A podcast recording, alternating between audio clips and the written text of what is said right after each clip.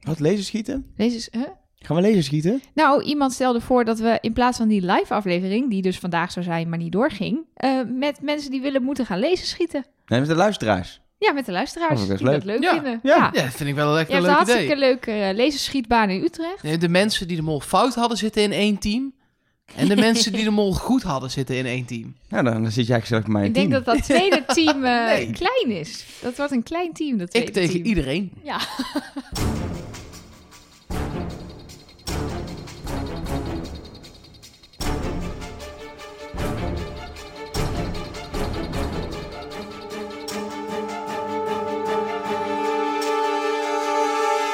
Hallo en welkom bij Trust Nobody, een podcast over Old Jay.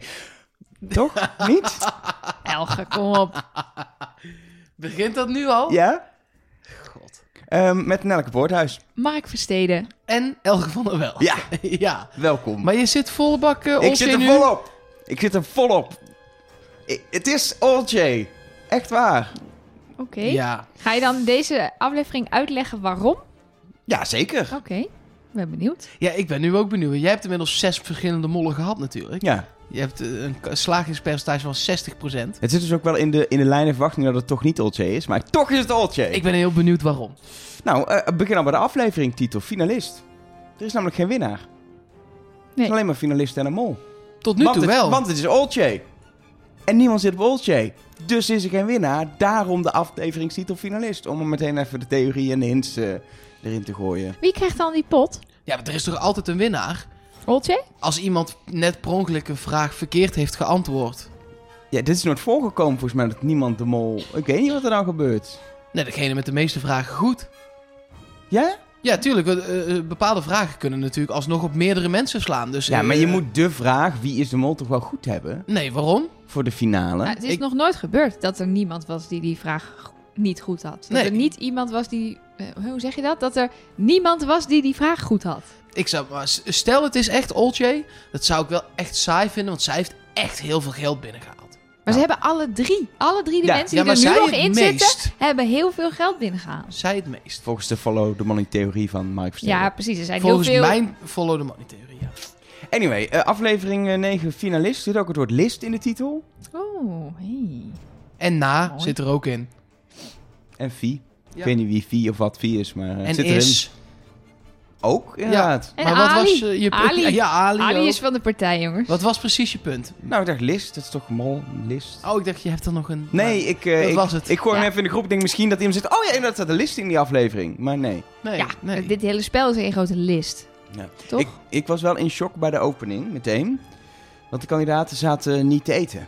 Maar te drinken. Ja, Vond ik schokkend. Ja, ze hadden Oh, maar biertjes en een wijntje, maar niks, geen ontbijt. Elke nee, van precies. Maar daarvoor, moeten we wel even bij het begin beginnen. hè? Eh, wat sowieso heel grappig was, Acht deed zijn stand-up. In het eerste deel van de stand-up liepen de schapen allemaal naar rechts. En in het tweede deel van de stand-up liepen de schapen allemaal naar links. Dus dat kwam niet uit dezelfde take. Dat eh, is jou dan weer opgevallen. ja, dat valt mij dan weer op. Ehm, maar de groepsfoto... Ja, de groepsfoto... Oeh. Daar heeft Jan, als je goed kijkt, denk ik, hetzelfde jasje aan als wie ik dacht bij die bordvraag met die vragen dat de mol voorbij kwam lopen. Oh, Hetzelfde het- spijkerjasje. Het spijkerjasje, Ja, inderdaad. ja, ja. ja. Ja, oh. In, interesting, interesting. interesting. Dat zou wel Ja. inderdaad een mooie zijn om het dan in de laatste aflevering even te laten zien, ook het jasje. Ik denk echt dat het, het... Ik heb het nog even teruggekeken uiteraard. En het lijkt verdacht veel hetzelfde jasje. Hmm. Is interessant. Ik zit in mijn Jan-tunnel nog steeds. Dus dat is ook... Alle spijkerjasjes lijken misschien wel op elkaar. Wat me bij dat gesprek met, eh, met die drankjes wel opviel, is dat dus inderdaad iedereen zo lacherig doet over, over. Die heeft blijkbaar tot aflevering 4 niks opgeschreven. We zagen haar vorige aflevering letterlijk met vier kladjes waar ze wat opgekrabbeld had, studeren voor de test. En iedereen doet daar dus heel lacherig over van waarom ben je nog hier? Nou ja, een antwoord zou kunnen zijn je bent een mol, dus je hoeft dat allemaal helemaal niet op te schrijven. Maar niemand daar trekt die conclusie. Zowel Ruben als Jan denken gewoon, ja ik weet niet waarom die vrouw hier is, maar het is wel gezellig. Ze wordt onderschat, denk ik. Ook Ja. als kandidaat of als mol, allebei. Wat ze ook is. Ze wordt denk ik een beetje onderschat hoe pinter zij is eh, door Zeker. andere Ja. kandidaten. Maar ik denk ook, maar dat is. eh, Kijk, zij heeft niks opgeschreven. En ik vind dat dan toch te obvious om dat zo in de uitzending te promoten als ze echt de mol zou zijn. Ja, aan de andere kant eh, eh, kun je volgens mij alles tegenwoordig eigenlijk ergens best wel obvious laten zien. Als je maar genoeg andere obvious Ja, precies. mol- mollende kandidaten laat zien. Eh daar hebben we dit seizoen wel gezien. Hoeveel mollende kandidaten hebben we niet gezien en eh, kwamen bij mij op het bordje als mol zijn uiteindelijk. Ja, dat is waar. Daarvan zou je bijvoorbeeld ook kunnen zeggen, eh, eh, Ruben en zijn penningmeesterschap, wat Jan nog noemt Ja, in deze aflevering, dat Ruben precies wist wanneer die penningmeester moet worden. Ja, ik zou daar als kijker van zeggen, eh, Ruben is niet de mol, want dat valt veel te veel op als je dat als programmamaker zo naar voren brengt. Maar ja, dat is sowieso voor elke kandidaat Ja, zoiets dat is ook te wel zeggen. zo. Dus, ah, Eh Ruben is, en het punt is, ik, ik heb vanaf het begin gezegd, Ruben is niet de mol. Maar ja, je weet het nog steeds niet zeker. nee, dat is vervelend, Nee, hè? ik, ik, de conclusie eigenlijk dat we echt... Dat voor het eerst dat je in de finale is het vaak... zijn nou, zeg maar twee waar je nog van denkt... Nou, dat- het is die, maar als ik zo'n fout zie, dan is het die. Maar het zou echt alle drie nog kunnen. Zeker. Het is ook echt bizar, want het, het stemmen, zeg maar, wat je ziet in de Wie is de Mol-app, is ook ongeveer 33, 33, 33 procent. Dus het, heel Nederland zit nog steeds op drie mollen. Ja, maar dat is dan, dan ben je als programmamaker toch blij? Ja, dit wil je toch? Ja, precies. Het is Ruben 35, Jan 33, Oltje 32. Ja, Ik denk dat dat nog nooit is voorgekomen. Nee. Nee, zo, Bizar. zo dicht bij elkaar is Nee. echt uniek. wel En- twee, dan inderdaad dat er twee ongeveer bij elkaar en de ander dan 9 procent of zo. Dat je gewoon weet, niemand denkt meer dat kandidaat nummer drie de mol is. Nee. La- laten we gewoon naar de eerste opdracht in, eh, induiken. Maneschijn. Mag ik voordat we daarmee beginnen even zeggen dat dit voor een aflevering 9 best wel een goede aflevering was. Zeker, want normaal is het, nou ja, eigenlijk van de 50 minuten die een aflevering duurt, 55, toch al gauw een half uur terugblikken op hoe mooi het allemaal wel niet Ja. is geweest. Ja, meestal is het één opdracht maar die ze doen. ja. Ja, en ik vond aan het einde van deze aflevering... In eerste instantie dacht ik, "Poeh, ik vond het een beetje een saaie aflevering. En toen ik hem dus nog een keer ging kijken, dacht ik... Want ze hadden het ook heel vaak over hoe wat fantastisch avontuur dit wel niet was geweest. En er zaten ook wel terugblikken in. Maar toen ik hem nog een keer terugkeek, dacht ik... Nee, dat hebben ze dit jaar netjes gedaan. Een goede eh, eh, balans daarin Er, gevonden. er is één probleem, en dan gaan we opdracht 1 denk ik echt in. Er wat een probleem is, en het had het hele seizoen een beetje, maar zeker deze af, laatste aflevering een beetje. Ze laten iets te veel zien hoe gezellig het is. Met de drieën lekker drinken, weet je. Het was allemaal, het was allemaal best wel gezellig onderling. ja, en zeker als je nu, eh beetje een side note dit, maar zeker als je nu de, de teasers en de, de eerste beelden van de Belgische Wie is de Mol ziet, waar het nu al een soort freaky met skeletten en enge Mexicaanse shit en iemand die piñatas helemaal tot moes slaat. Laat ontploffen zelfs. ja, laat ze ontploffen. exploderen. Ja. Ja. kun je nagaan. Ja, dan vind ik dat misschien toch nog even een tandje lekkerder. Dat het, ik, voor mij mag het allemaal, maar dat heb ik aan het begin van het seizoen ook al gezegd. Voor mij mag het allemaal wel even zo... het, Even ho- lekker het mag hard. best schuren. Lekker wat harder. Ja. Ja, ik werd dus op een gegeven moment was ik gewoon klaar met kandidaten die zeggen dat dit voor hun zo'n fantastisch avontuur was. Ik denk, ja, dat snap ik. Ik wil ook wel zo'n avontuur, trut. Hè? Laat mij dan maar meedoen. Dan had ik het eh, ook zo goed gedaan. Maar wie, wie eh, noemde jij nou terug van ja. alle kandidaten? Holtzee met haar oude, we zijn allemaal onderdeel van de mensheid en de wilde dieren staan hier zo. Het is echt, ik kan me voorstellen dat je je zo voelt als je in zo'n, in zo'n observatorium staat en door een telescoop naar de maan kijkt. Want je moet ook bedenken, dat wat je zag op tv is gewoon een ingezoomde eh, filmcamera. Dat is niet wat je door een telescoop ziet. Daar Nee. zie je nog veel meer. Nee, dat is een filmcamera met een overlay over de lens van een rondje. Ja, precies. Maar dit is, eh, nou ja, maar goed, het kwam in ieder geval erop neer dat ik dacht, ja, nu snap ik wel dat dit een heel erg tof avontuur was en hup, ga iets doen. Maar goed, ze gingen wat doen. Maneschijn dus. Ja, eh, ze moesten alle drie... Het was echt een, een, een mooi complex met allerlei... Nou ja, koepels waar je sterren kon kijken. En dat zag er echt prachtig uit. En in drie van die koepels moesten zij dan met de telescoop die daar stond... de maan zoeken. Eh, ja, als je een beetje goed zocht, dan was dat allemaal niet zo moeilijk. Er Het was namelijk volle maan, dus hij was ook niet echt klein. Nee, precies. Stopt. En de telescopen waren, als je een beetje kijkt, zijn die dingen echt wel te be- bedienen. Dat bleek ook, want iedereen vond de maan. Art kwam drie keer checken. Ja, ik heb deze Zag opdracht drie keer eh, dat het goed was. twee En, of eh, drie keer gekeken. Want uiteindelijk is hij geslaagd. Best wel makkelijk ook. Ja, Ja. Jan stribbelde nog een beetje tegen, maar die was als derde. Maar uiteindelijk was dat ook echt ruim binnen de tijd nog. Het was niet zo moeilijk. Nee. Nee, ik vond het ook. Ik vond het een typische opdracht voor de laatste aflevering. Dat ze ervoor kiezen om dit te doen. Het was heel timide, het was heel mooi. Het was een heel bijzondere opdracht, heel uniek. Maar er zat heel weinig spanning in. Maar die kandidaten waren ook heel relaxed. Ja. Ze Ja, gingen dat- niet rondrennen. Ja, Ze precies. waren heel erg onder de indruk van alles. In plaats van opgejaagd en, en bezig met, met het geld. Ja, maar maar wat- zelfs zo erg dat de mol dus niet heeft durven mollen. Nou, nou, wa- wat heel gek is eigenlijk, want als er een moment is om het te doen, dan zijn het nou ja, deze en ook de volgende opdracht. Want deze hele aflevering zijn de drie kandidaten totaal los van elkaar geweest. Nou, dat is natuurlijk het perfecte moment om, om te mollen. En dat kan zeker bij zo'n telescoopopdracht prima. Want je kunt zeggen, mijn telescoop was echt super moeilijk om te bedienen. Die andere Ja. kandidaten komen daar namelijk toch niet. Nee. Mijn theorie is dat Jan hier heeft gemold. Ehm, ik weet nog steeds niet wie de mol is hoor. Maar ik heb dus bij elke opdracht een andere theorie over wie dan de mol is. Maar hierbij denk ik. eh, bij Ruben ging het allemaal heel vlekkeloos. Die vond eh, als tweede zijn eh, observatorium, ging naar boven, vond de maan. Art was als eerste bij hem, kat in het bakkie. Er was natuurlijk wat gedoe tussen, tussen Oltje en Jan, want Oltje kon het observatorium niet vinden. Toen suggereerde Jan, ja, Ruben is hier de verkeerde kant op aan het sturen. Je moet even naar het begin waar we begonnen zijn, want daar staat je observatorium. En daar is Jan speciaal voor naar buiten gekomen om het niet via de porto te doen, zodat Ruben kon horen. Hij is naar buiten gegaan, dat kost tijd om, om samen te komen met Oltje en dat nog even in te pepen van Ruben zit hier te mollen. Wat ik een Maar hele sorry. rare actie vind Nee, als tuurlijk, kandidaat. Maar sowieso, dat doet hij echt bij opdracht 2. Daar komen we straks nog op. Doet hij dat ook? Ja, Ja, maar goed, wat hij daar eh, vervolgens dus deed, is, is Handelsen met die telescoop en, en heel erg... Maar wat er volgens mij gebeurde, was dat hij wel probeerde om het niet te laten lukken. Maar je hoort natuurlijk via die porto dat check, Ruben heeft het, is het, is het gered, up, check, Oltje heeft het gered.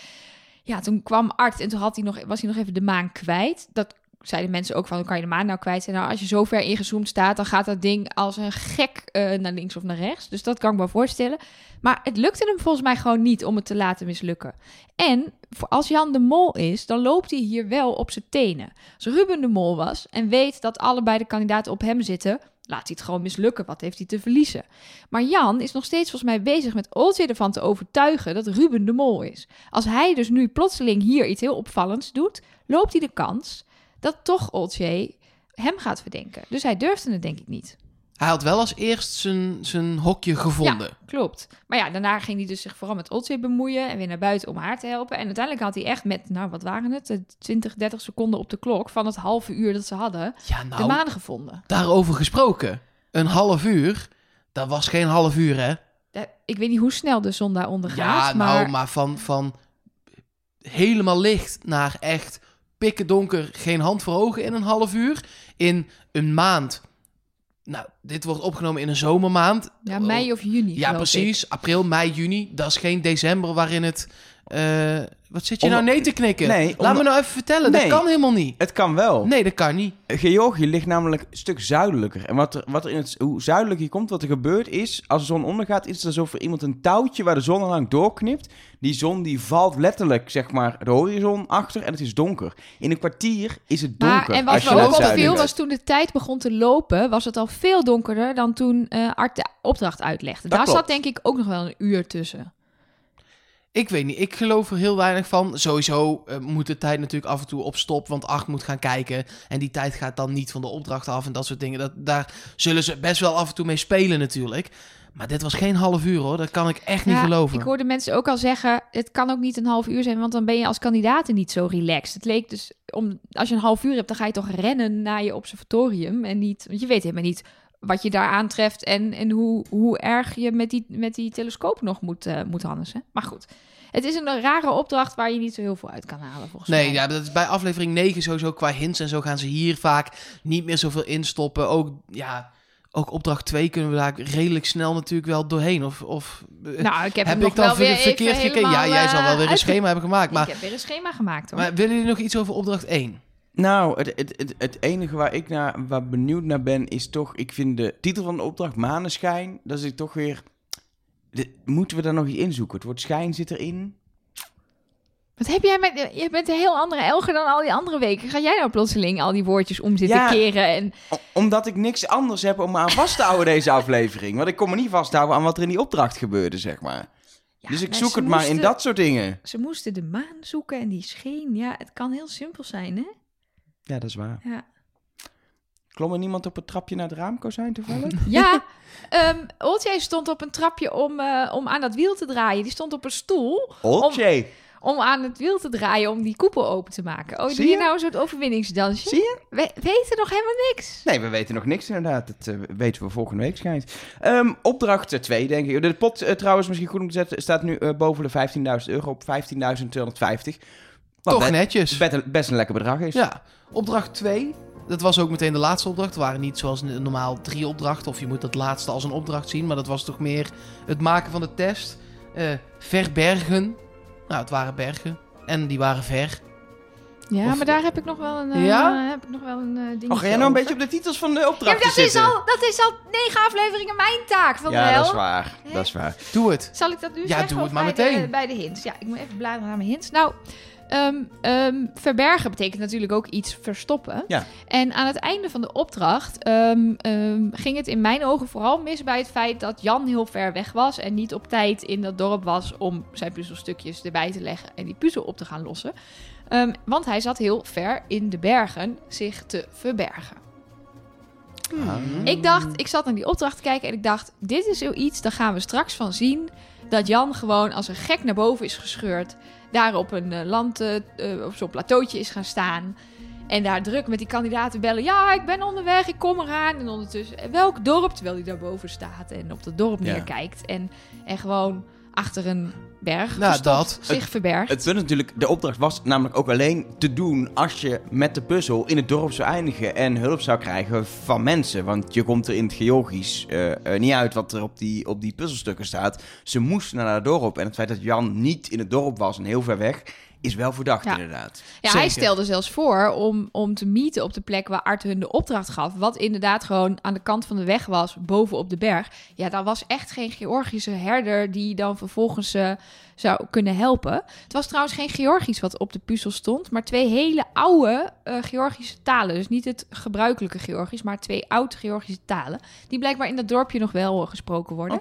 Maar die het voor ons erg lastig maken om de teksten te ontcijferen op die dingen. Daar ben ik niet aan begonnen. Ja, want ze moesten, eh, voor de duidelijkheid, in twee zinnen, met een hele oude Lada, door dat prachtige berglandschap, één voor één vragen beantwoorden over het autootje waar ze mee waren. Hoeveel spaken heeft hij? Hoe, waar zit het hendeltje van dit? Waar zit het hendeltje van dat?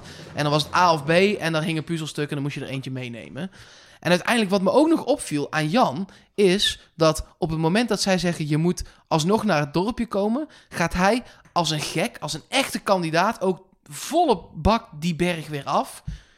En in mijn Jan-tunnel is dat dan omdat hij ook gewoon wel weet, daar moeten ze toch niet zijn. Nee, Daarna moet hij weer terug. dorpje. Ja. Hij moet daarna weer terug. Als hij, de, als hij de mol is, dan weet hij heel goed dat hij heel enthousiast dan komt komen aanrijden om volgens nog zelf als eerste te roepen, oh, de tijd is op, jammer jongens. Jammer. Het was ook maar een uur. Ik vond dat weinig voor deze eh, Nou, opdracht. zeker als je bijvoorbeeld iets met pionnen krijgt waar je tussendoor moet rijden en denkt, ik ga er tussendoor slalommen. Maar, Maar moet- dus- je moet gewoon rechtdoor Ja. door die pionnen. Ja, en dat paste volgens mij niet. Tenminste, dat leek...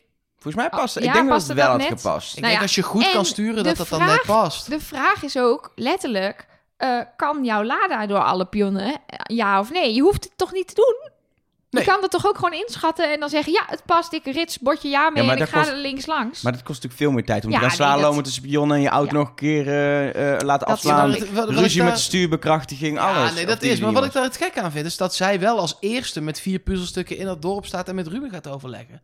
Dus uiteindelijk eh, heeft de rest nog veel meer tijd verloren. Ja, zeker Ruben, want die dacht, hey, ik kan natuurlijk ook gewoon de puzzelstukken op de auto laten liggen en dan wegrijden. Ik heb dat ooit met een McDonald's ijsje gedaan.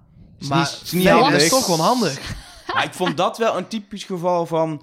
eh, het, is, het is heel raar, want het is iets wat je niet... Dan ben je echt onhandig. En hij is wel onhandig, maar zo onhandig. Maar als je het expres doet, is het ook heel stom, want... De andere kandidaten zien het niet. Dus het is niet mollen om jezelf Nee. verdacht te maken. En wat mij bij Ruben, wat mij, voor mij Ruben ontzettend eh vrijpleitte, was dat hij op een gegeven moment een vraag kreeg: eh, hoe lang is jouw Lada? En vervolgens roept: Oh wacht, ik heb een meetlint gezien in de auto. Als mol hoef je dat meetlint niet te hebben. Te, weet je, dan, dan zeg je, oeh, hoe lang? En dan ga je zo een Met beetje met je, passen. ja, met je handen en dan, of zo, zo, nou, dit is ongeveer een meter. En dan denk ik, dan kan je heel makkelijk gaan gokken en fout gokken. Je weet helemaal niet of hij misschien uiteindelijk alsnog het foute ding heeft meegepakt. Maar dat vond ik denk, ja, als mol ga ik niet heel hard roepen, yes, ik heb een meeklint in mijn auto. Maar liggen. viel er nog meer op? Want jij hebt het natuurlijk Ja. helemaal bijgehouden wie welke vraag kreeg en of het goed was. En, eh, Nou, de, iedereen heeft een beetje rare dingen gedaan. Ehm, wat van Jan hebben we al besproken, wat raar is. Want die heeft gewoon eh, vier vragen gehad. Alle vier de vragen hebben we gezien. Ehm, en ja, ze lijken ook allemaal goed beantwoord te zijn. Zoals die gaten in die velgen, die heb ik allemaal nageteld. Het zou kunnen zijn dat hij vier verschillende velgen had.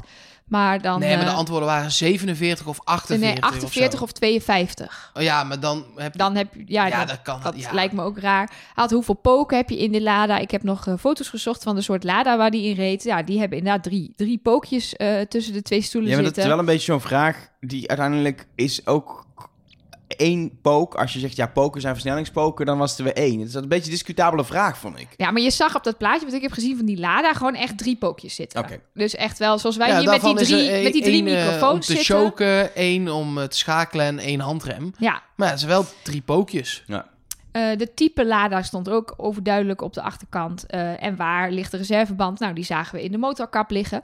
Eh, maar ja, die vier puzzelstukjes die Jan heeft gepakt. Je weet natuurlijk nooit of hij ook dan daadwerkelijk de goede heeft gepakt. Je kunt natuurlijk alles lopen, lopen manipuleren door eerst de puzzelstukjes om te draaien en ze vervolgens pas te pakken. Maar het lijkt erop dat hij de vier heeft gepakt en dat die juist waren.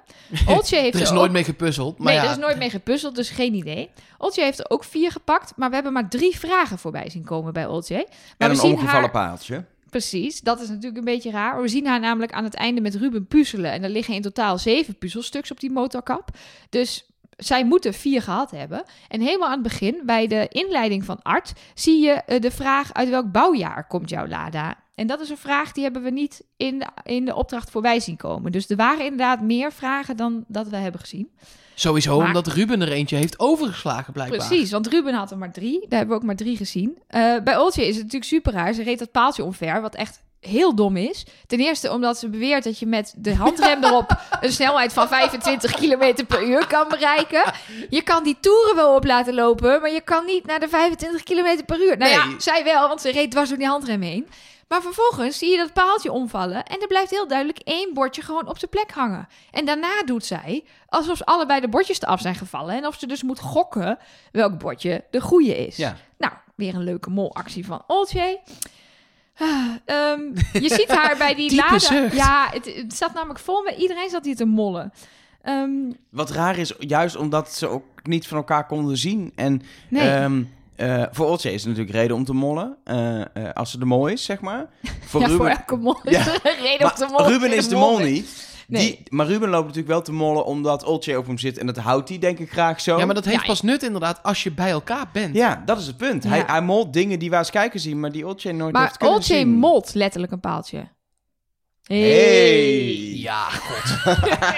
Jezus, jongens. dat Nee, is het punt het- waar we zijn aangekomen, Het Mark. komt er dus voor mijn gevoel op neer dat eh, alle kandidaten onderweg eh, domme dingen hebben gedaan, maar misschien omdat ze dom zijn. Maar dat Jan voor mijn gevoel doet wat een mol hier doet, namelijk zorgen dat je niet op je juiste plek bent waar je dan uiteindelijk nodig bent om het geld te bemachtigen. En verder gewoon als een soort ideale kandidaat alle vier de vragen, alle vier de puzzelstukken en ook alles goed beantwoorden. Maar hij, zei, hij weet ook eh, dat je waarschijnlijk met niet per se de hele puzzel toch best kan uitkomen op de plek waar het, waar het allemaal moet zijn, zeg maar. Ja, dat vroeg ik me ook nog af, want ze hadden nu het woord kruispunt en, en eh, Moliti. Wat een st- Eh, stad is waar ze naartoe moesten. Ja, precies. Alleen, wat staat er dan op die andere dingen? Misschien is het wel, ga op het kruispunt in Moliti linksaf. En daar bij de kerk ligt het geld of zo. Maar nu wilden ze gewoon keihard naar een kruispunt in, in, in Mollet. Dus ik heb echt eh, drie pagina's volgeschreven met... eh, wie is hier nou aan het mollen? Jan, Ruben, Oltje, Jan, Ruben. Iedereen. Iedereen. Zullen we dan maar doorgaan naar de, de derde nou ja, opdracht slash test? Of, Nou, eh, ik wil nog wel even respect uitspreken voor de makers. Dat ze een dorpje hebben gevonden wat Moliti heet. Zo'n mooie plek in de bergen hebben kunnen regelen dat ze daaromtrent een opdracht hebben kunnen doen. Ook al hebben ze het dorpje zelf nooit bereikt. Nee, dat dat het eindpunt is, de mol. Ja. Ja, dat is mooi. Oh ja, Oltje had ook nog een lege batterij. Die opdracht duurde een uur. Ze heeft drie keer gebeld. Krijgt ze dan een, een, een telefoon Je- je mee met krijgt echt geen- 25% nee, je krijgt echt geen lege telefoon mee van productie. Dat kan ik me niet voorstellen. Maar het, is ook, het was ook weer zo'n molactie die dan nergens op slaat. Want drie seconden later hangt Ruben met Jan aan de telefoon. En weet Jan alsnog wat hij moet weten. Ja. Dus ja, je hebt er zes seconden mee gewonnen. Dat is op Ja. een uur natuurlijk nooit genoeg. ik werd er een beetje moe van. ja, De opdrachten zijn voorbij. De test. Het spel is gespeeld eigenlijk. Nou ja, eh, het spel was nog niet helemaal gespeeld. Want de test moest natuurlijk nog gemaakt. Eh, en dat was best... Het was niet, ga maar even hier... Hier, hier is een laptop. Ga maar even zitten. Maar dat is bijna nooit, hè, de laatste test. Er is altijd iets mee aan de hand met de laatste En, en test. ik, ik heb nu voor het eerst dat ik dacht...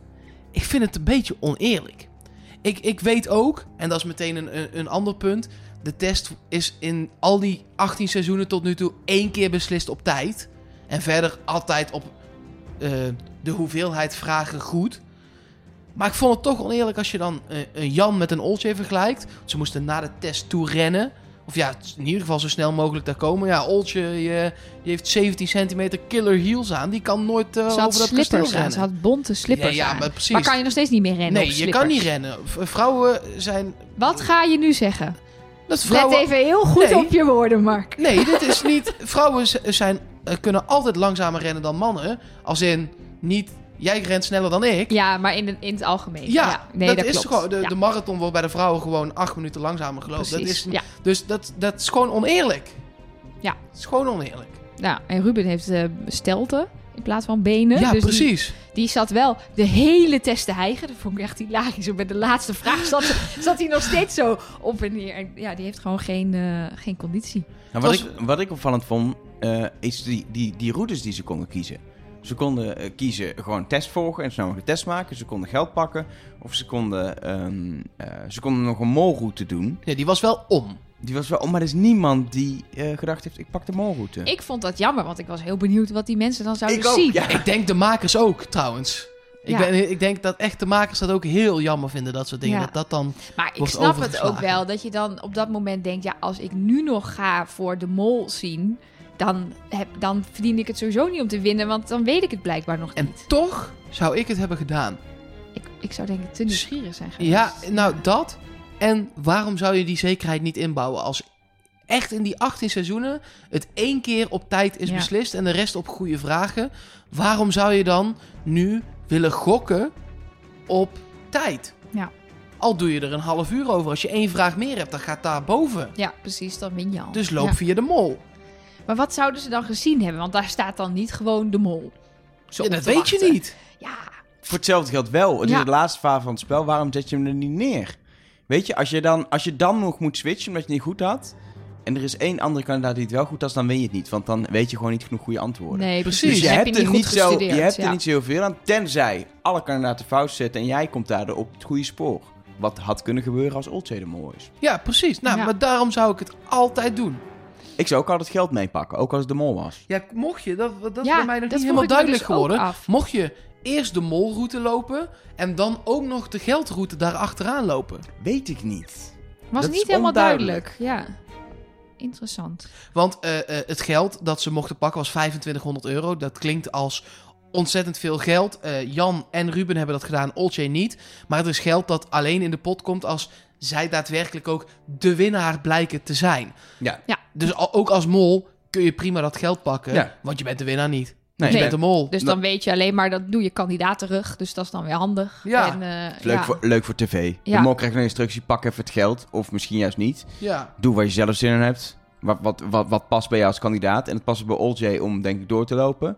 Om gewoon maar door te gaan, omdat je toch al niet zo hard loopt. En bij Jan past het ontzettend om natuurlijk eh, dat geld te pakken. En Ruben is de mol niet, dus daar hoeven we het niet over te hebben. Nee. Eh, Jan deed er uiteindelijk in totaal met rennen en test maken 40 vragen die nou, makkelijker leken voor mij dan in eerdere jaren. Maar je, we hebben er maar een paar gezien natuurlijk. Ja. Ehm 11 minuut 7, Olcay 13 minuut 50 en Ruben was het snelste 10 minuut 44. Maar Wat daar opvalt, is dat Olcay aankwam op 10 minuten 46. Die heeft dus in drie minuten die test gemaakt. Ja, en Ruben heeft er wel echt wel 5 minuten over Ja. gedaan ongeveer. En Jan ook. Jan En Jan ook. is Drie zes- minuten is- Zes bijna. Drie minuten, 40 vragen is echt bizar snel. Dat drie minuten is 180 seconden. betekent dat je elke vraag binnen vijf seconden hebt beantwoord. Ja. Dat is echt heel rap. Dat is bijna niet te doen. Dan ben je zeker van je zaak. Of je bent Of de je hebt geen idee. Je Of gaat je gewoon klikken. Of je denkt gewoon klik, klikken, die klikken, die klik, klikken, die plaats laatst. Ik vind het echt, ik vind het bizar snel. Het voor is- een kandidaat. Maar als de vragen inderdaad zijn eh, wat wij hebben gezien, zoals eh, wie is de mol? Nou ja, dat heb, dat heb je ook al bedacht. En eh, dingen als eh, ehm, eh, welke opdracht ging de mol doen bij de, bij de lichten, hoe heet dat ook alweer? Die, die opdracht Ja, met die lichten. precies. En, Ja, eh, dat zijn allemaal dingen, dat weet je precies. Ja, Dit wie, is niet... waar stond de mol bij die opdracht boven of onder de grond? Ja. Het waren niet welke krant leest de mol, zoals nee, we of welke eerdere weken hebben gezien. ja, daar moet je dan Nou, dat is tenminste. Kijk, we hebben natuurlijk nu vragen gezien die, die, waaraan ze de terugblikken konden koppelen. En de biechten over Ja, wat de molacties ja. waren. Die vragen hebben we gezien van de 40. En dat was mooie televisie. Misschien zat er ook wel bij eh, welke krant leest de mol. Maar daar, weet je, daar was voor de forum niet leuk om te laten Snap zien. ik. Wel nog één ding over Olsje die zo snel is. Ehm, het zit bij haar natuurlijk voornamelijk in haar hoofd. Zij heeft niet het boekje, eh, eh, allemaal dingen opgeschreven. De eerste vier, vijf afleveringen, wat ze al zeiden, überhaupt niks opgeschreven. En in die laatste vier afleveringen dan een beetje inderdaad, wat jij net zegt. Een paar kladjes, meer, meer is het niet. Dus bij haar zit het ook allemaal in haar hoofd. En ik denk dat je als zakenvrouw van zo'n groot bedrijf als wat zij heeft... ook echt snel beslissingen moet nemen. En een combinatie van die twee denk ik dat het wel gewoon, ook al is ze kandidaat, kan. Want per ding zijn het maar drie antwoorden. Ja. Max. Dus het is gewoon la la die, klik. La Ja. la die, klik. Als jij Ik denk- gewoon snel kan lezen, dat is het belangrijkste. Het. Je moet niet eh eh, Het is echt heel zijn snel. of zo, maar je moet, ja, het kan. En ze is volgens mij super intelligent. Nou, Dat- precies. dus ik denk dat het kan. Maar en als ze de mol is en ze heeft de test gewoon la la la en ze is weer opgestaan, dan kan je toch als programmamakers even twee minuutjes op die teller zetten. Precies. Hoewel Ehm, ik daar ook nog een hint over heb, maar daar Dat ga ik even later eh, op Dat terugkomen. zometeen. Eh want de verdenkingen die zijn eigenlijk niet veranderd ook, hè? Nee. Nope. Twee keer Ruben, namelijk Oltje en Jan zit op Ruben en eh, Ruben zit op Jan. Ehm, waarbij dus of de uitkomst is, het is echt, eh, ik verwacht het niet, maar een strijd tussen Oltje en Jan eh, om Ruben. Of het is heel duidelijk, Ruben wint omdat het Jan is. Of het is, niemand weet wat er aan de hand is en daarom zien we het pas in volgende CS. Want er is niemand die de mol goed heeft. Die opties die... Dat zou wel. ook kunnen. Maar daarbij gezegd was het wel een vooropgezet plan. Al om dit eh, niet daar te doen. Nee, ja, zeker. Nee, dat dus is het is niet, niet dat de ze. Het is niet, besloten. nee, precies. Ze hebben niet bedacht. Oh shit, niemand weet wie de mol is. Dan doen we het maar in Vondel CS.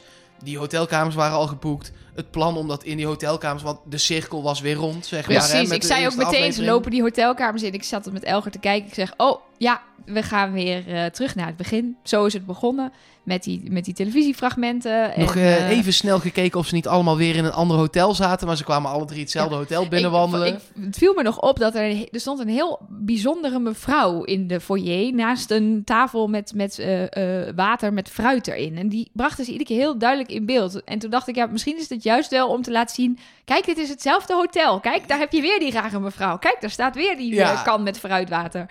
Dat je dus wel weet, ze zitten in hetzelfde hotel. Ah, Maar- ja. Maar ja, het was, ehm, nou ja, het was wat we hadden verwacht. Een andere finale dan eh, normaal gesproken. Tijd voor wat nieuws. Ja, wel respect voor één iemand. Ik, ik wil niet vooruitlopen op de mail. Maar die, die had dit al bedacht. Eh, Mark Knoop op Twitter. at MJK underscore 88. eh, credits, want die stuurde vorige week al. Wat als de ontknoping pas live in Vondel CS is? Ja. Ik eh, las op het forum, dat is trouwens wel leuk om even te zeggen, een berichtje van de regisseur van Wie is de Mol. Eh, Rick heet hij, Rick, Rick Mc- McCauley of zo. Het is van oors- oorsprong Amerikaan, ik weet niet precies hoe het uitspreekt. Ehm, en die legde daaruit waarom ze hiervoor gekozen hebben. Eh, hij stond namelijk vorig jaar op dat plein. bij die mensen die daar allemaal echt in. Er komen namelijk echt in grote getalen mensen op af. En toen dacht hij: ik wil deze mensen iets heel spectaculairs bieden. Ik wil ze meer bieden dan eh, eh, dat er binnen mensen zitten eh, die dit spel uitspelen. En dat ze op een scherm zien wie de mol is. Ik wil deze live ervaring beter maken voor de aanwezigen. En daarom heeft hij gekozen om de mol daar letterlijk live op dat bordes straks waarschijnlijk, ik weet nog niet hoe het gaat, zich bekend te laten Ik maken. vind het, dat, live ding is nog steeds niet mijn ding. Ik vervoeter het zelfs een beetje. Ehm, het haalt namelijk nog veel... Ja, je zei net al, die gezelligheid is te duidelijk.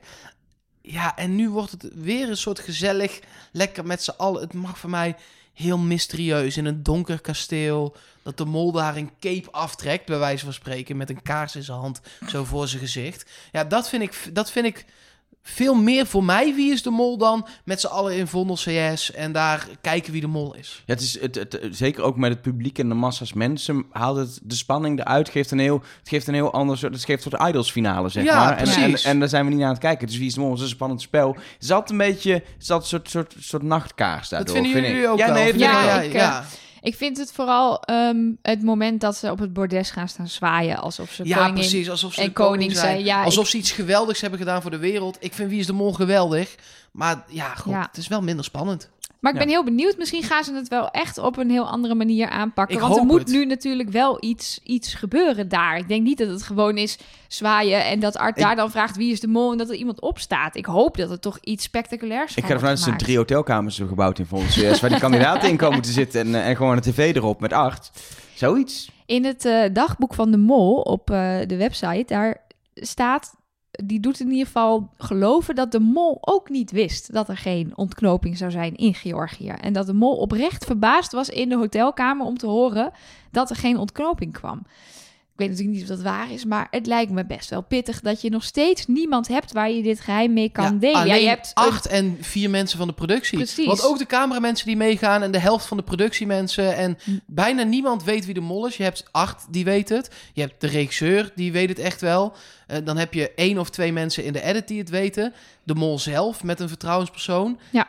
En degene die dan de gesprekken met de biechts opneemt, zeg maar. Dat zijn altijd Ja, ook maar wel- dat is ook degene die bij die, die de biechten doet, is ook de eh, kandidatenbegeleider. Die heeft ook de mol uitgekozen. Dus Ja. die is, die is Dus uiteindelijk zijn ja. het maximaal, denk ik, tien mensen die het weten. En verder kun je dus Ja. nu alsnog bij niemand terecht. Ja, maar normaal kun je natuurlijk ook alleen terecht bij de twee finalisten. Want de rest Ja, maar dat ja, maar is daar wel hoor je altijd wel van dat die dus ook samen gaan kijken. Dat die, Ja. met, dat die, die toch een soort ding delen met z'n Ook als je nu gaat kijken, je kunt nu zelfs in een soort besloten kring waarmee je dan misschien Wie is de Mol gaat kijken, niet zeggen dat jij het bent. Terwijl als je gewoon met die twee finalisten de mol kan gaan kijken en zeggen, ja kijk daar, daar molde ik. Dat lijkt me zo, zo'n opluchting en dat komt nu niet. Nee, dat is waar. Dat Ja. is waar. Maar, eh, Maar je kon in deze... ehm, ehm, dat hebben we wel vaker gehad. We hebben verschillende soorten finales gehad. Waarbij je of al wist eh, wie de winnaar was, of al wist wie de verliezer was, of je wist helemaal niks. En in dit geval konden ze ook niet al een tipje van de sluier oplichten. Want dat had bekendgemaakt. Dan had je kunnen ontdekken wat de rest was. Dus stel. eh, ehm, Nou, dat eh, hoeft Jan, niet. Nee, Jan is de winnaar. Dan weet je dat Ruben de Mol is. Ja, of hij heeft toevallig meer vragen goed op Olcay. Ja, maar dat zou wel. Dat zou, ja, dat zou kunnen. Maar eh, en als je weet dat Ruben de verliezer is, ja, dan weet je Dat Ja. het niet Jan is. dat het. Ja, maar dat is ook raar. Stel dat, Als ja, Ruben, nou heeft ja. als Ruben had gewonnen of verloren, dan had het niet gekund. Bij een van de Ja. andere twee had het nog gekund. Ja, Ja, nou dat is- in maar ieder geval, dat- het komt erop neer dat je dan meer weet dan alleen, goh, die is de winnaar. Dat is ook een interpretatie van de regels. Want ik zeg, volgens mij heeft er niemand gewonnen als, eh als Olje in de Mol Ja, dat ben ik wel. Eigenlijk hoop ik dat Oltje de Mol is, want ik ben heel benieuwd hoe dat zal zijn. Dat, dat als niemand het goed heeft, wat gebeurt er dan? Gaat de Wel mol er dan met de pot vandoor? Of, Zou Of- ik ook wel terecht vinden eigenlijk. Dan heb je het dus blijkbaar zo goed gespeeld. ja, nou, dan, dan ben je volgens ja, dan ben je in mijn ogen echt, ook al heb je wel geld in de pot gebracht, maar als dan niemand jou door heeft gehad van die kandidaten, dan ben je echt een topmol geweest. Weet, je wat ik, weet je wat ik heel prettig vond in deze aflevering? Dat mijn mol niet naar huis is gegaan. Die optie was er ook niet. Is voor jou ook wel eens lekker, Vond ja. ik ook wel Jij eens zat lekker voor een de stuk verandering. rustiger te Ja. kijken, hè? Lekker, even geen executie, heerlijk genieten. Nee, nog even iets over die eh, pot eh, van dit jaar. Die staat op 15.250 euro. Misschien komt daar nog 2.500 bij als Jan of Ruben de winnaar wordt. Eh, maar dat is best wel een slechte pot hoor, jongens. Dat is, eh, die Ja, staat is op, dat beroerd? Ja, ik heb namelijk even alles opgezocht en die staat op nummer 4. Ehm, er zijn dus maar drie andere seizoenen geweest waarin de pot lager was dan, eh, dan dit bedrag. Eh, de beste mol financieel gezien was eh, Margriet van der Linden.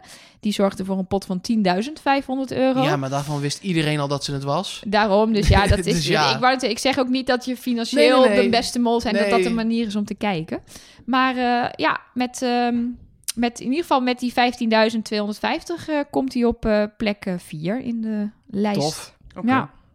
Dus wij zeggen steeds lekker bedrag, maar dat is ook wel eens anders geweest. Is ook, je kunt er een mooie auto voor kopen. Laten we wel wezen. Ja, dat is waar. Dat is waar. Anyway, laten we gaan kijken naar eh, de mails, de Ja. tweets, de, de berichten die binnen zijn gekomen. Heeft iemand eindelijk de theorie, het antwoord naar ons toegestuurd? Ja, we gaan het meemaken. We gaan ze behandelen. Het is echt heel veel en we hebben wat tijd, dus laten we er gewoon een hoop ook behandelen. Eh dankjewel voor het insturen. Dat allereerst natuurlijk weer. mol at trustnobody.nl. Dat is nog altijd het adres. Daar kun je gewoon nog terecht. Want wie weet, eh, we kunnen altijd op onze social media eh, nog nagekomen berichten melden. Of als iemand alsnog de theorie, eh, der theorieën met ons deelt en die blijkt te kloppen, dan krijgt hij gewoon nog heel veel roem in de laatste aflevering. Zeker weten. Ehm, eh, op social media is het trustnobodycast. Dat is Facebook, Twitter en Instagram en de hele, de hele riedel. Ehm, eerste mail, Jasper Tonon. Ehm, hij zegt, ik zit al vanaf aflevering 1 op Jan en wel hierom. Toen ze allemaal in andere landen zaten, was het Jan die het opeens zei. Maar waar in Kiev zitten jullie dan? Ja, we hebben dit al wel een keer eh, behandeld ook. Dat ze het dan nog wel wat langer hadden kunnen rekken ook. Nou, wat ik deze keer opvallend vond, want het moment zat er weer in, Ja. in, in een terugblik in deze aflevering. Het eerste wat mij opviel, hey, de drie kandidaten die nu nog in zitten, waren de drie die bij dat moment betrokken waren. Ja. Het, waren, het was Jan die de vraag stelde en het waren Oltje en Ruben die samen in Kazachstan zaten en duidelijk maakten, hallo, wij zijn niet waar jij bent. En ik ging op Oltje letten. Nou, Ja. nou, jij zit heel hard te knikken. Nou, zeg maar wat Oltje deed. Olcay die probeerde er overheen te lullen. Die probeerde het weg te, te, te wuiven, het hele ding. En toen Ruben ermee doorging, was ze helemaal blanco. Ze liet geen emotie zien. Ruben zat echt zo, weet je, die is natuurlijk ook wel expressief. Maar die zat echt, eh, wow, met de handen in zijn haar. En Jan was keihard aan het lachen. En Oltje zit gewoon naar die papieren te staren naast Ruben. En die is helemaal Oud, denk oud. Oké. Een Dus soort- zij baalde eigenlijk dat het zo snel al... Ja, ik weet niet wat Of, dat ze, was. of, ze- of voor dezelfde deel dat ze kan na te denken, ze, "Huh, ik snap er helemaal niks meer van. Wat ook Wat- wel bij Olcay past, dat Ja, dat moment helemaal... eh, ja, of in, dat eh, je radartjes meteen aangaat. Oké, oké, dus eh, zij, zitten niet, zij zit in Kiev. En dan meteen naar die kaart kijken. En dan, wat betekent dat dan of zo? Dat kan ook. Maar het kan van alles zijn. Maar Ja. het is opvallend was het wel, vooral omdat het je... Tenminste, mij eerder niet was opgevallen. Oké. Ja. Mij nu nog steeds niet. Ja, Dus ja. eh, dank daarvoor. Ehm, Mark, die nog een bericht stuurt met... Ik heb geen aanwijzing, maar een wet. En die wet is vanaf nu... Als er een aanwijzing bij Moltalk wordt behandeld, is die niet waar. Ja. dat is een mooie, Dat is een mooie, goede wet. Mooie wet, inderdaad. Eh, dan nog iemand, Max van Roon, die denkt dat er hints in deze podcast zitten. Oh. Nou, ik wil dat alvast ontkrachten. wij, zijn, wij zijn totaal onafhankelijk van alles. Als je de podcast eh achterstevoren afspeelt, hoor je het telefoonnummer van Mark. Dus eh, mochten jullie eh, geïnteresseerd zijn. ja. Eh, maar hij zegt, de grootste hint van het seizoen zit in jullie podcast. Nelleke loopt de hinten met puzzel. En wie zegt er steeds puzzel in Wie is de Mol?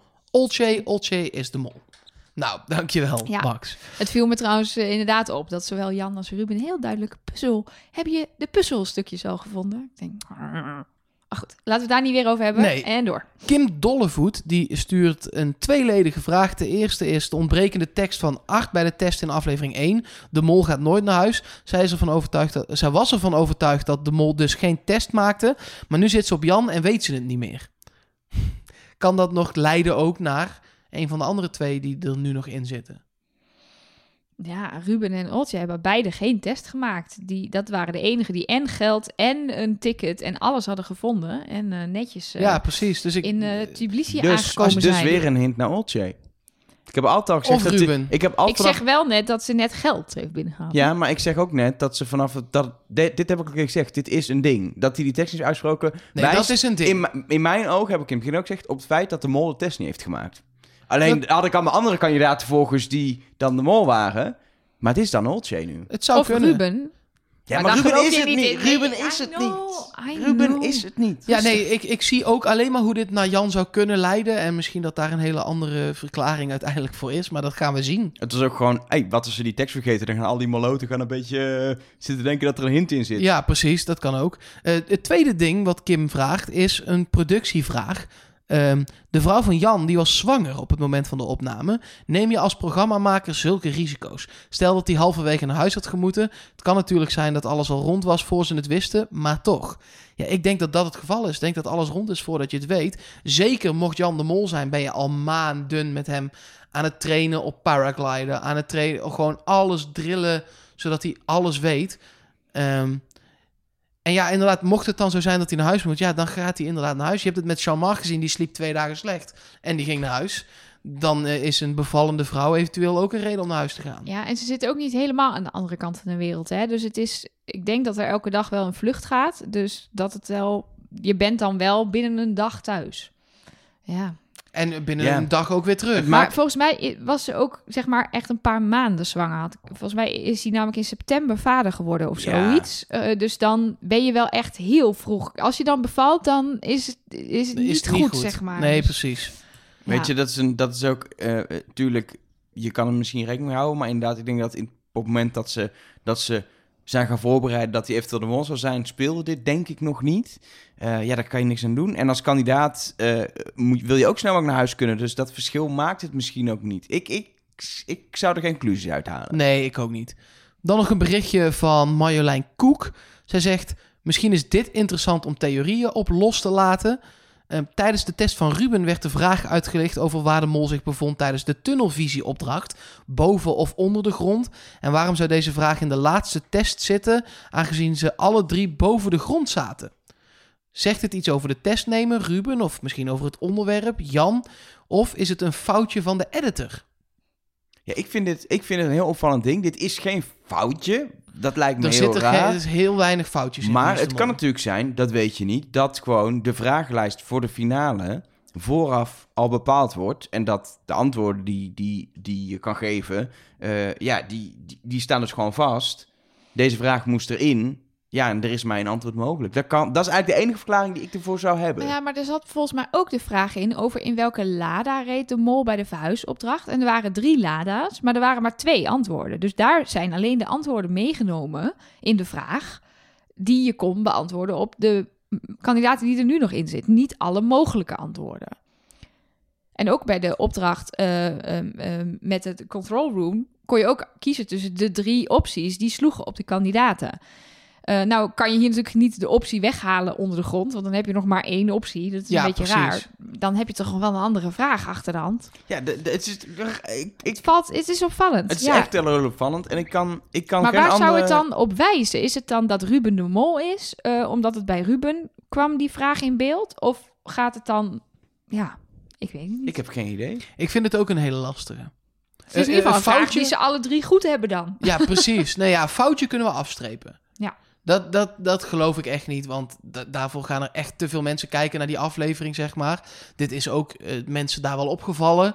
Eh, dus dit is een bewustie, Ja, ik, ehm, denk ik. ja, ik denk het eigenlijk ook. Maar ik weet niet wat het... Misschien zit er wel... Ik weet niet, misschien zat er letterlijk een vraag in over elke opdracht. Dan heb je 26 vragen of zo. Ja, Nog niet dat eens. zou Minder zomaar eens 25, kunnen. want ze hebben natuurlijk hebben begonnen met, met één grote opdracht. Ehm, dat zou kunnen, dat dat gewoon ding is. Elke opdracht vraag. Ja, hier was dan niet echt... goeie- Iets anders te vragen. Ja, maar dan kun je wel iets anders vragen. Dan kun je, eh, eh, eh, vond de mol de sterren, weet ik veel. kun je, er zijn wel andere dingen die je over die opdracht dan had kunnen Ja, dat is vragen. waar. Ja. We gaan het zien, misschien. Of ook niet, misschien. Of niet. We- dit zijn dingen die nooit beantwoord Nee, worden waarschijnlijk. daar ben ik ook bang voor. Hebben we Eh, nog, eh, meer mail? Ja, nog eentje. Eh, Anne Swinkel zegt tijdens de test zegt Art dat je de optie hebt om oog in oog te staan met de mol. Loopt Oltje zo te stuntelen of slaat ze af naar de mol in plaats van test? En dan komt er een shot in beeld. Nou, jij kunt dat het beste omschrijven, want jij bent daar, zit er helemaal in. Ja, dat is wel leuk. En ik heb deze verwaard omdat ik wist dat hij in de, in, in de mail zat. Denk, dan ga ik hem niet al hier voor, van tevoren vertellen. Ja, Maar je ziet vervolgens het shot waarin je eigenlijk Olcay eh, langs het water ziet lopen en ziet weerspiegelen zichzelf. Dus ze heeft zichzelf gezien. terwijl dat eigenlijk helemaal niet de, de kortste route naar de test was. Nee, want zij heeft echt hele rare paden gelopen daar. Ehm, Daarom deed ze er ook zo lang over. Ja, Ja. dus misschien- Dubbel zo lang als Misschien zien we wel uiteindelijk in de ontknoping Olcay inderdaad gewoon wel rechtsaf slaan voor de mol. Wel de molroute volgen. En dan inderdaad zichzelf in de ogen kijken. En wordt dat onderdeel van de ontknoping. Maar er zat ook zo'n shot in van Jan. Waarbij Jan over een lange galerij rent met een vijver eronder... waarin je de weerspiegeling van Jan ziet in de vijver. Ja, maar Jan is niet een mol, dus dat... Ja, hallo! Ja, Nou, het was wel een iets ander soort shot. Het shot van Oltje. Het mooie daarvan was wel dat je Oltje zelf niet zag. Je zag alleen de vijver en de weerspiegeling. En in dat shot van Jan zie je gewoon Jan lopen en een vijver met een Ja. weerspiegeling. Maar ja. Dus eh, eerst vond ik het een hele sterke hint. En toen keek ik verder. En toen zag ik dus dat bij Jan ook was. En dacht ik, ja, dat ontkracht hem dan toch al wel weer een beetje. Ja, Ja. we moeten Ja, gewoon wachten, jongens. Nog langer wachten. maar jij- ja, ik wou net zeggen, heb, je- heb jij nog hints met je hoedje? Jazeker, ik heb er nog twee. Eh, en de eerste is... eh, is Iets een, met eh, die klokken. Ik zit al nu de hele tijd met die klokken nee, dat is de tweede. De Oh. eerste is, ehm, ze komen allemaal aan bij dat hotel. En ehm, eh, stappen uit een busje en lopen dan naar binnen. Ehm, er is iets raars, maar dat zal wel gewoon een continuïteitsfoutje zijn. Oltje komt zonder tas uit dat busje, loopt de gang in van het hotel zonder tas... en loopt vervolgens haar kamer in met een schoudertas om de schouder. Nou ja, Ja. dat zal wel gewoon eh, een continuïteitsfout zijn. Maar eh Oltje stapt weer uit het busje met heel duidelijk in beeld het nummerbord WIDM 001. Eh, nou weten we dat dat nummerbord is al de hele tijd aanwezig. Ze hebben gewoon een busje met dat nummerbord. Maar het valt dan toch wel weer op dat het volgens mij nu al voor de zoveelste keer Oltje is die iets met dat In of in of uit dat busje stapt. Eh, en bij de andere twee kandidaten eh, zie je niet dat nummerbord duidelijk in beeld. Dus weten we niet wat de nummerborden van die busjes waren. Dat waren trouwens in vorige afleveringen gewoon WIDM 002, WIDM 003, et cetera. Ehm, maar ze werden in ieder geval niet in beeld gebracht. Ja, en dan nu die hint eh, ehm, met de testtijden. Ehm, je kan daar een beetje aan rekenen en dan komen er toch grappige dingen uit. Want de tijd van Jan was 11 minuten en 7 seconden. Als je dat bij elkaar optelt, dan krijg je 18. Dat is natuurlijk een getal wat we al vaker eh, voorbij hebben zien komen. Als je eh, de tijd van Ruben, 10 minuten 44, optelt, waarbij je dus de 4 en de 4 bij elkaar optelt, dan krijg je ook 18. En bij Oltje is het 1350. 5 en 0 is 5. 13 plus 5 is 18. Dus ze komen allemaal op die manier uit op 18. Sterker nog, als je alle cijfers los van elkaar optelt, dan kom je bij elke uit op 9. 1, 1, 7 is 9. 1 plus 3 plus 5 is 9. En 1 plus 4 plus 4 is 9. Dus jij wil eigenlijk zeggen, de tijden zijn doorgestoken kaart? Ja, dat is toch, hoe toevallig is dat? Of, of kun je nou gewoon, is, kan je dit ook met 17 minuten? Ja, ik weet niet hoor, maar ik vond het wel Het is heel- als het toeval is, is het heel veel toeval. toeval. Ja, toch? Maar wat betekent het dan? Ja, weet ik veel. Iets Ja. met, kijk, 18. Wat hebben we nou aan jou? Ja, Het is het 18e seizoen. Toen, ja. En, maar, en dan zou je dan die, die 9 daar... Ja, dat is de... eh, Ik wou zeggen de helft van 18. Is dat zo? Ja. God, ik kan er niet meer rekenen. Ja, dat is de helft van 18. Dus 2 keer 9, dubbel, is die Het 18. is, ja, misschien weer een dubbel, Dubbel hint. hint. Eh, Ik kan hier Ja. niks mee. Nee, ik vind het ook... Ja, misschien dat het iets betekent, maar ik, zou, ik heb hier nu niet 1, 2, 3 dat ik denk... ga je Ja. ook gewoon misschien als programmamakers denken... joh, die tijden... Het belangrijkste is wie was het snelst. Dus het maakt niet heel veel uit wat de tijden daadwerkelijk waren... als de volgorde maar klopt. Dus gaan we daar een beetje mee kloten. Een paar, paar seconden erop en eraf... zodat er zoiets moois uitkomt. Het zou... Om ons eh, helemaal gek te maken. Ja, precies. Het zou onder andere verklaren waarom Oltje zo snel was. Ja, dat zou ook nog kunnen. dat hij ze eigenlijk daar, gewoon eh, 16 minuten erover heeft gedaan. Maar ja, dan, eh, ja, dan kan je, dan maak je er 16 minuten 2 van. Dan heb je ook 18. Eh, dan heb je niet... Ja. En Ve- 9. Of 14 Dus- minuten 40 of zo. Is in, daar is vast oplossingen voor. Is het niet zo dat als je met dat berekenen van die 18... dat als het minuten en de seconden samen 18 zijn... dat dan alle cijfers los altijd 9 zijn? Ja, Mm, Nee, denk het niet. moet je verrekenen. Ja. Ehm, Nee, ja, als je eh, eh, eh, 8 minuten 55 hebt, heb je 8 en 5 en 5 is 18, maar het is niet samen 9. Nee, nee, Het is samen is samen 18. Ja, Ja, precies. Maar even, toch nog even, dus ik even door te rekenen. Die 1044 van Ruben, daar doe je iets raars. Want dan ga je die twee laatste getallen optellen. Al. Terwijl je, Ja. je pakt het voorste getal en het achtste getal. Ja, precies. Dus het is inderdaad een hint die, die misschien een beetje naar je eigen wens eh, wordt eh, vervormd. Want als je, ja, die, hij klopt eigenlijk gewoon niet. Oké, Hij klopt gewoon niet. sorry. Laten we Ik gewoon... vind het leuk eh, dat jij nu zo stellig bent en dat we dan volgende week zaterdag horen. De grootste Nou, de hint die tijden, erin zat de waren tijden. de testtijden van de kandidaten. Volgens mij moeten we af gaan ronden als in Oh, is er niet iemand 18 september jarig? Dat ga ik even opzoeken. Ga je dat even opzoeken? Dan gaan we ondertussen even denk ik een rondje maken. Moeten we, nog, moeten we überhaupt nog een rondje maken, jongens? Nee. Volgens mij is het al duidelijk wie de mol is. Nee, ik weet, ik weet helemaal niet wie de mol is. Dat is nou het hele probleem van de- deze, dit seizoen. Jan Versteeg, 31 december. Oké. Ik ben Olcay Gulsa aan het opzoeken. Dit is, eh, dit is het mooiste van podcasting, mensen. Je kan gewoon tijdens de, tijdens de podcast even iets opzoeken. Eh 20 juli. 8 juni, Ruben Heijn. Nee, niks. geen eh, helaas. 18 september. Helaas. Nee, helaas. Eh, maar eh, Mark, toch. De Jan. vraag. Wie... Nee, laat me even die vraag mooi Oh, stellen. sorry. Kan je dat net zo goed als Art? Mark, wie is de mol? Nou, ik heb heel lang getwijfeld. Dit is allemaal, ik heb mijn boekje nog een keer helemaal door... Nee, ja, Jan. Ik, eh, eh, ik, er is, ah, ik vind het heel, ik weet het helemaal niet zeker meer. maar ik ga nu ook niet meer wisselen. Wie, wat, wie zou het ook... Zou, het, zou iedereen het kunnen Ja, zijn? ik- ook jou? Eh, ja. Ehm, al kijk, ik ben vooral heb ik die andere twee wat verder weggestreept. Eerder al. Omdat zowel Oltje als Ruben acties hebben gedaan die ehm, niet hoefden. En daar geld mee opgehaald. Ik heb dit al eerder gezegd. Die hebben, zoals dat Meedlint vinden. Zoals dat soort dingetjes hebben Oltje en Ruben in mijn ogen net meer gedaan dan Jan. Die af en toe echt wel geld pakte. Maar vooral op de obvious tijden en manieren. Ehm, en die andere twee af en toe echt wel geld pakten. Wat dan echt niet nodig was. Waar niemand in de buurt was om het dat ook te zien en zo. Dus dat. Nelke. Wie Hmm. is de mol? Ik denk Jan, ik hoop Olcay. Interessant. Ja, dat, hoe, ik, ik, gewoon, ik vind het gewoon altijd vet als het zeg maar voor het programma zo, zo tof mogelijk wordt. Maar en het was lijkt mij gewoon een briljante finale dat je gewoon voor het eerst in de geschiedenis een mol hebt Nee, oké. waar niemand op heeft gestemd. Dat lijkt mij gewoon interessant. Maar ik denk niet dat zij de mol is. Ik denk vind Jan al, als het hem is, Ja. echt een he- fantastische mol. Dat ook. Nee, dat moet ik denk bij. Ik zit ook pas sinds vorige aflevering richting Jan. En daarvoor heb ik hier altijd keihard staan roepen dat als het iemand in ieder geval niet is, dan is het Jan. Versteek. Op aflevering 0 na, hè, daar wil ik nog heel even op terugkomen. Toen de wij gok een was soort goed. moesten gokken, toen zei ik Jan Versteeg. Nou, hè, dat staat maar genoteerd. Ja. Elger. Wie is de mol? Het is Olsje Goulson.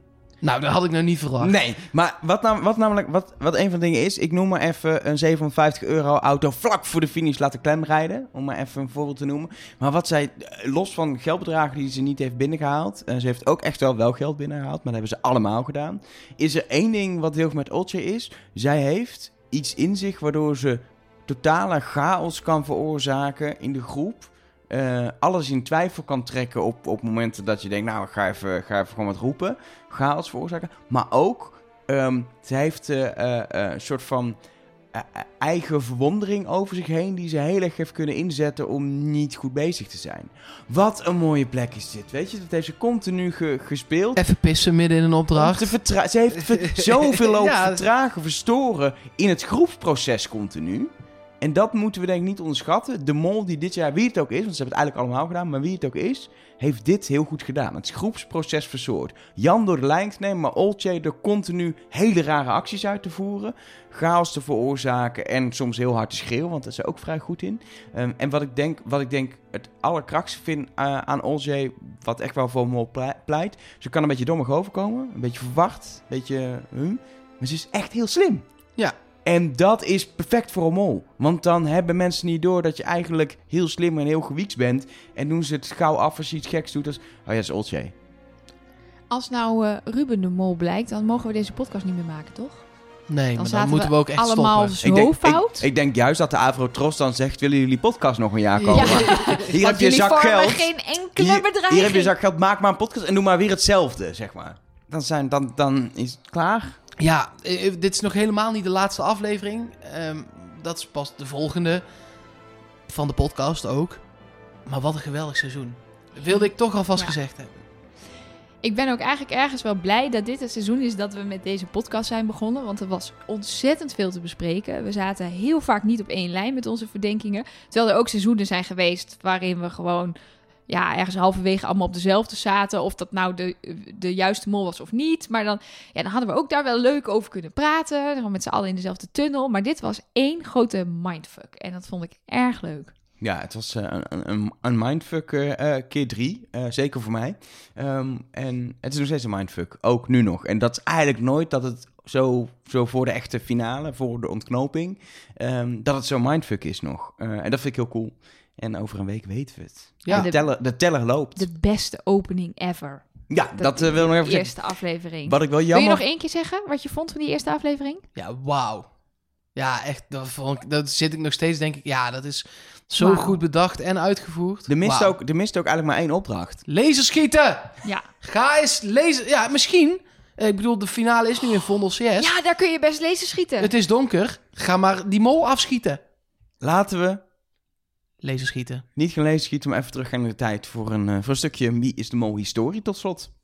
Yes, ik eh, dacht dat het in het licht van eh, de naderende ontknoping wel leuk was om eh, te kijken naar vorige ontknopingen. Dus ik heb er een paar teruggekeken vandaag en dat was toch ook wel weer leuk. Ik heb ook eh, weer verschillende presentatoren voorbij zien komen. Eh, wat me namelijk bijvoorbeeld opviel, ik heb de ontknoping van het zesde seizoen in Argentinië gekeken. Toen eh, was Miluska Meulens de mol. Daar werd ik door geïnspireerd door Oldzee, omdat ik dacht dat zouden vergelijkbare mollen kunnen zijn. Um, Miluska is een heel ander type, maar had zichzelf ook gewoon heel dommig en, Ja. en fanatiek en dom. Iedereen vond haar irritant ehm, eh, gemaakt. En een totaal was totaal een rol. Zij was, bleek uiteindelijk helemaal niet zo. Dat zag je dus ook bij die ontknoping. Dat eh Frederike Huids, die won. En Roderick Velo, die verloor. Zaten allebei op Miluska. Ehm, ehm, en, en zeiden echt tegen haar... Toen toen ze begon te praten, nadat ze het bekend had gemaakt, was ze al anders. Zaten ze echt naar haar te kijken en zeiden ze... Dus jij bent helemaal niet zo irritant. Jeetje, jeetje, wat heb jij dat goed gespeeld. Maar het mooie was dat Karel, de presentator, De beste van wist. allemaal. die wist ook niet wie de mol was. En die stond letterlijk met ogen als schoteltjes en handen voor zijn mond. Helemaal verbaasd over Miluska die naar voren stapt als de mol. Ja, en ook hoe hij het deed. Hoe hij, daar, hij, sta, hij stond daar met zijn handen in zijn zakken. Pak aan, handen in zijn zakken. Ik ga jullie nu uit jullie lijden verlossen. Hij maakte het echt spannend. Ja, ik hij vond maakte hem echt het de heel beste. spannend. Met ja. zijn hoed altijd. Ja. Ja, laten we even... mogen, kunnen we nog twee... Of heb je nog meer? Nou, ik heb nog meer. Ik heb, Ja, er, doe. ik heb er een paar eh, gekeken. Ik heb ook eh, die van Dennis Wening gekeken. In Mexico staan ze boven op een eh, Maya-ruïne. Die was heel mooi. Dat vond Ja. ik echt gewoon qua Ja. shots was die heel vet. En dat was ook een beetje sneu, want het was nogal pittig om in die bloedhete hitte die Maya-ruïne te beklimmen. Ze hadden allemaal witte kleren aan. Pieter Jan presenteerde toen het programma. Eh, dus het zag er allemaal heel mooi uit, maar ze kwamen allemaal echt zo... Edo Brunner is al niet de fitste, dus die kwam echt zo... en het zweet gutste van hem af. Ehm, maar ik vond daar, de volgorde was daar ook heel mooi. En het was namelijk ook een hele bijzondere finale. Want wat was er namelijk gebeurd? Edo Brunner zat de hele tijd op eh, Patrick. Patrick Martens. En die was er de aflevering daarvoor uitgevlogen. Dat was de Simone eh, van dat seizoen. Dus hij moest opnieuw bedenken, wat ga ik doen? En je had eh, Regina, Regina Romein en Dennis Wening. En hij heeft goed gekozen en hij heeft ook wel een beetje gegokt toen. Nou ja, ik moet één van de twee doen. Ik ga voor Dennis Wening. Eh, dat was de eerste keer die, eh, dat seizoen dat er iemand Dennis Wening verdacht als de mol. Eh, Regina zat volledig op Edo. En ze hebben het zo gedaan dat ze Edo als eerste naar boven haalden. En tegen hem zeiden, jij bent de winnaar. Nou, die was uit het veld geslagen. Die dacht, hoe kan ik nou in hemelsnaam de winnaar zijn Ik van zat de dit vorige aflevering nog op de verkeerde. ja, hij vond het fantastisch, maar had wel zoiets van... Jezus, dat betekent dus ook dat Dennis Wening daadwerkelijk de mol is. Wat een, wat een kerel. Vervolgens komt Dennis Wening naar boven met die grijns op zijn gezicht en dat smoelwerk. En echt zo, ja, ja jongens, ik ben het, ik ben het, sorry, sorry. Nou, een mooie knuffel. En dan gaan ze vervolgens weer heel serieus naast Pieter Jan staan. En dan komt Regina echt heel sneu die trap op shocken. En je weet gewoon, je bent de verliezer. Edo en Dennis trekken allebei een heel serieus gezicht. En dan, nou, zij is ook volkomen verbaasd. En je, daar is het ook nog een terugblik naar het eh, kasteel in Lisse, waar al die kandidaten zitten. Die daadwerkelijk nog tien minuten later nog steeds zeggen... Dus, Dennis, dus jij bent de mol, Dennis? Jij? Nou, echt totale verbazing. Dus dat zou wel weer heel erg leuk zijn als we dus inderdaad een Jan of een Olsje zien als mol. Daarom hoop ik dus ook echt niet dat Ruben het is. Want dan wordt het een finale zoals het heel vaak is. Twee mensen hebben het goed. Het gaat erom wie wist het meest. En de ontknoping is voor de kandidaten niet zo spannend, omdat ze het eigenlijk al weten. Dan zit er meer opluchting en ontlading in. Ehm, Nog eentje heb ik. Ik heb er nog één teruggekeken. Dat is de laatste. heel dat is de laatste. Dat is namelijk, die kunnen jullie je vast ook nog wel herinneren van vorig jaar. Dat is namelijk de enige andere keer, eh, naast die van Dennis Wening, dat er maar twee keer, eh, in dit geval twee keer, is gestemd op, de- op eh, Thomas als de mol. Twee keer door Sanne Wallis de Vries, die ook de winnaar was. Eh, en voor de rest is er in dat hele seizoen nooit iemand geweest die hem eh, eh, verdacht als mol. Ehm, dus dat was ook wel een... eh, Jochem van Gelder was toen volledig uit het veld geslagen. want Ja, die was precies. er helemaal van overtuigd dat Sanne Oh, was Jochem van Gelder niet de mol vorig seizoen? Heel Nee. apart. Ja, er is ook Maar een keer goed, een ik- seizoen geweest... ehm, dat ze niet gewoon naast elkaar stonden... maar dat ze uit een parachute sprongen. En in welk eh, vak ze landen, dat was het toen. Dat was met de onbekende Nederlanders nog. dat was met onbekende. Nederlanders nog. Dus één gast landde in het vak de mol... één in een rood kruis en één in een groen vak. Dus ze wisten het zelf. Oh nee, ze waren een duo-sprong waarschijnlijk. Dus Ja, met een- een ja, iemand sturen, precies. hè? Iemand sturen. Oh, wauw. Dus ze wisten zelf niet welke kant ze op, Ja, eh, op gingen. Nou, de, mol, de mol wist het hopelijk wel. Ja, precies. Nee, ja, tuurlijk. Maar eh, de winnaar die landde in een, rood va- in een groen vak en die dacht... Oh, ik heb nu gewonnen. En die moest nog gaan kijken om zich heen, zo wie er dan in het molvak was geland. Dat was ook Ja. heel vet. Maar ik wil nog even één rondje maken wie jullie dan de beste presentator vonden van allemaal. Eh, bij far Karel van de Graaf. Ja, toch? Ja. dat vond Helemaal ik ook. mee eens. Team Karel. Ik vond het zo jammer dat hij stopte, maar dat is, heeft te maken met hij maakte het echt spannend. Ja. En vinden jullie dat de presentator zou moeten weten wie de mol is? Acht weet het, altijd. Ik vind het- Komt hij vooruit? Ik, Ja. vind het, ik vind het bij Karel gepast dat hij niet wist. Ik vind het ook, ook ik vind Art heel erg bij Wie is de Mol zoals het nu gemaakt wordt passen. En ik vind er ook weer bij passen dat Art het wel weet. Omdat die relatie is iets anders. Hij is iets meer, hij speelt dan soms streng. Maar hij is ook wel veel meer soort van Hij is gezellig knaapje. geze- gezellig. Volgens En- mij is hij ook meer betrokken bij de productie Ja. dan Karel de Graaf toen. Ook Dit was de echt- afstandelijke presentator die heel ver van, het, van de kandidaten afstond. En dat paste. Toen was het ook iets fanatieker, denk ik, nog het spel onderling tussen de, tussen de, tussen de BN'ers. Ik denk echt, het spel krijgt de presentator die bij het spel past op dat moment. En ik denk de, de fase waar Wees de Mol nu in is. Gaat hij het Tijd nog een keer voor doen? een nieuwe. ja, was mijn het is volgende al vraag. zo lang art, jongens. Het is, hij heeft eh seizoen... Tijd voor eh, Chris Zekers, jongens. Nou, dan laat acht maar zitten. Nee, maar Art heeft seizoen 11 gewonnen en daarna is hij gaan presenteren. Dus Ja. hij heeft er nu zes gedaan. 17, 18. Nee, hij heeft, even kijken. Ehm, Art 1, 2, 3, 4, 5, 6. Dit is zevende. Ja, zevende, Zevende seizoen. seizoen. Ja, Ja, dat is wel veel. Ik zeg, hij hoeft voor mij niet weg. Hij doet het niet slecht. Maar zeg uh, Avretros. eh. ik ken nog iemand die... eh, met, hebben, hebben jullie ooit al eens nagedacht over drie presentatoren ja, voor Wie is de Mol? precies. Ja, dat is wel leuk. Een soort trio. Dan eh, twee mannen en een vrouw. Ja, dan na afloop doen we ook Mol Talk gewoon. Ja, dat kunnen we dan er wel bij doen.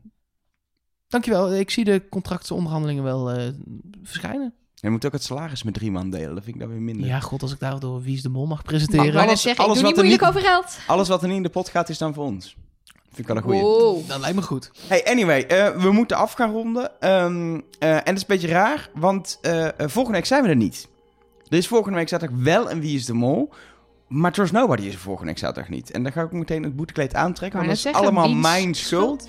Ik eh, vertrek komende week naar Amerika voor anderhalve week. Ehm, eh, sterker nog, ik ga waarschijnlijk gespoeld worden via social media of iets wie de mol gaat zijn. Ik ook, want ik heb eerst de PSV-wedstrijd. Dus ik eh, ga het eerst op Twitter zien, ben ik bang. En dan... Ja, maar jij, eh, daar kun je nog een beetje, denk ik wel. Ik, ik, Nee, want ik moet daarover tweeten ook. Dus ik zit op Twitter. Ah, Ja, we- wij, wij gaan allebei gespoeld worden en het op Ja. die manier eh, zien. Ik ga het wel dan... ja, het is met tijdverschil natuurlijk, het is midden op de dag daar. Dus ik ga het dan wel s'avonds in mijn hotelkamer, hopelijk als het wifi goed is, terugkijken. En dan gaan we de week daarna, dus een week later... Op zondag eh, gaan we alsnog een aflevering opnemen, is de bedoeling, eh, waarin we lekker gaan terugblikken. Dus er komt een laatste aflevering, maar die laat een week lang op zich wa- wachten. Waarvoor mijn Ja, welgemeende Als excuses. het dan toch bij één aflevering moet, dan maar bij deze. Want alles is dan duidelijk. Precies, Het wordt een aflevering waarin we hooguit elkaar nog een keer goed kunnen uitlachen. precies. Voornamelijk wij, jou Elger. Denk je? Of Ja, ik dat- jullie? Dat zou ook Oh, we kunnen. gaan het zien. We gaan het zien. Anyway, eh, voor nu bedankt voor het, ehm, voor het luisteren. Ehm, Tot over twee weken. ja, tot over, heb je nog iets te melden, dan kan het gewoon mol.trustnobody.nl. Ehm en denk je, hey, ik vind het leuk om even het hele seizoen terug te luisteren. Doe het vooral, dan zie je hoe fucking vaak we het verkeerd hadden tot nu toe. Trust nobody.